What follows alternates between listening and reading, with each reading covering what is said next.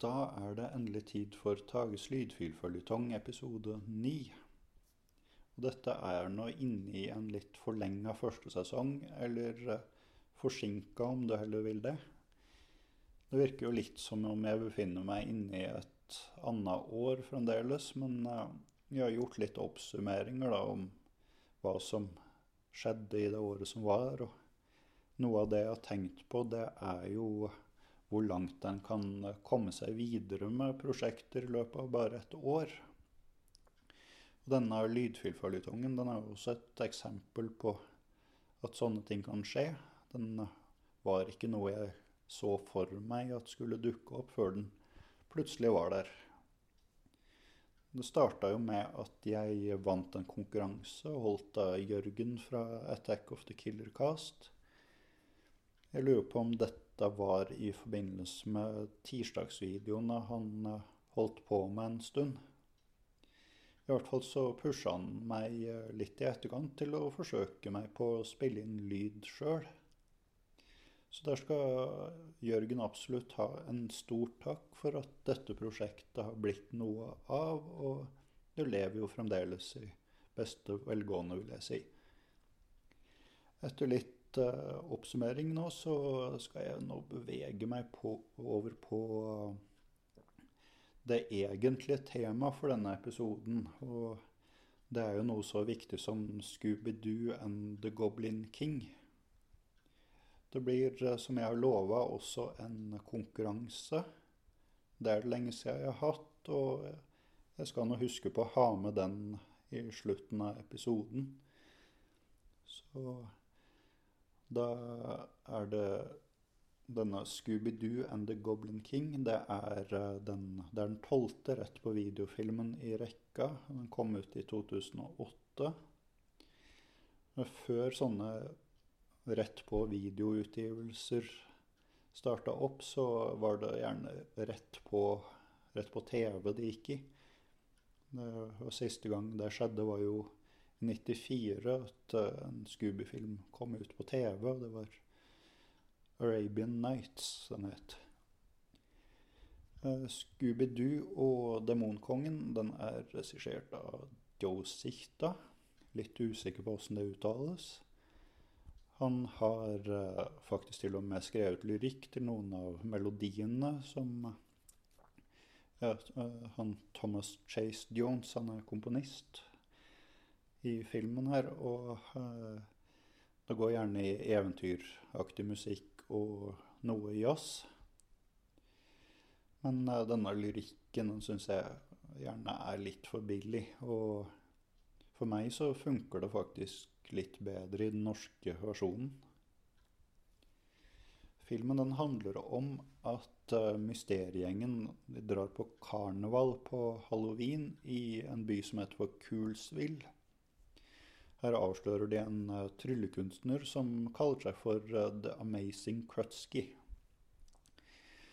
Dette, denne avsløringen fører til at han uh, tar tak i tingenes tilstand og vil frembringe større magiske krefter. Han starter med å stjele kreftene til en liten fe. Dette dreier seg om litt mer positiv, hyggelig magi. Men for å bli komplett så trenger han også den mørke sida, sida av magispekteret. Og da må han ha septeret til selveste demonkongen. På veien mot dette septeret så for, for, forhekser han alle han møter på sin vei. Eh, til og med Fred Daphne og Velma. De blir til monstre. De blir til sånne monstre som de helst avslører. Og i denne tilstanden så får vi ikke vite helt hva de holder på med.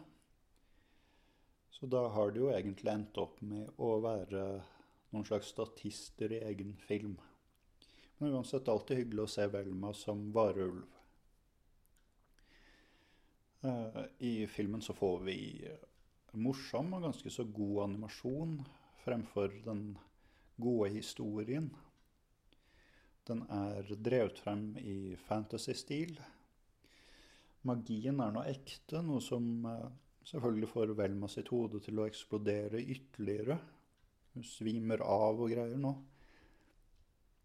Men eh, man tar i det hele tatt avstand fra den mest populære og suksessfulle Scooby-Doo-skolen, som da går ut på at man eh, avslører skurker som har på seg masker.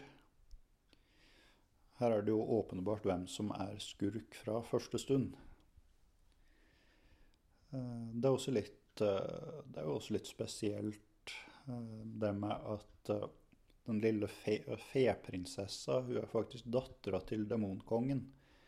Og de er langt fra hverandre sånn av rasetilhørighet. Det er, det er en uvanlig greie i Scooby-Doo-sammenheng, for da ender jo dette fort opp med å være en kontekst der uh, demonkongen og feprinsessa de tilhører samme sjelegrupper, eller for eksempel. Uh, for meg blir dette en umotivert historie der det kan tyde på at Joe har tatt på seg for mange roller i produksjonen. Eh, det hadde fort vekk endt opp med å være like interessant å følge mysteriegjengen i daglige gjøremål. Jeg har nå, har nå endt opp med å gi denne filmen tre av fem stjerner på Letterboxd. Eh, det er en grei film å ha på i bakgrunnen, men ja, ikke helt det store, eller ingen skandale, da så får jeg huske på å ta med min konkurranse. Den eh, består av to spørsmål. Så det første er eh, Hvem har den norske stemmen til Shaggy, Scooby-Doo og Demonkongen? Og det andre spørsmålet mitt er i hvilken serie og hvilket år treffer mysteriegjengen for første gang på Batman? Jeg gir svarfrist til påska, og rett eller nesten rett svar, det kan føre til en premie. Eh, Tages lydfilføljetong den returnerer med en ny episode om ikke så lenge. Og takk for at du hørte på, og kom gjerne med forslag om hva slags episoder du ønsker deg på, på ja, Facebook-sida eller lignende. Tudelu.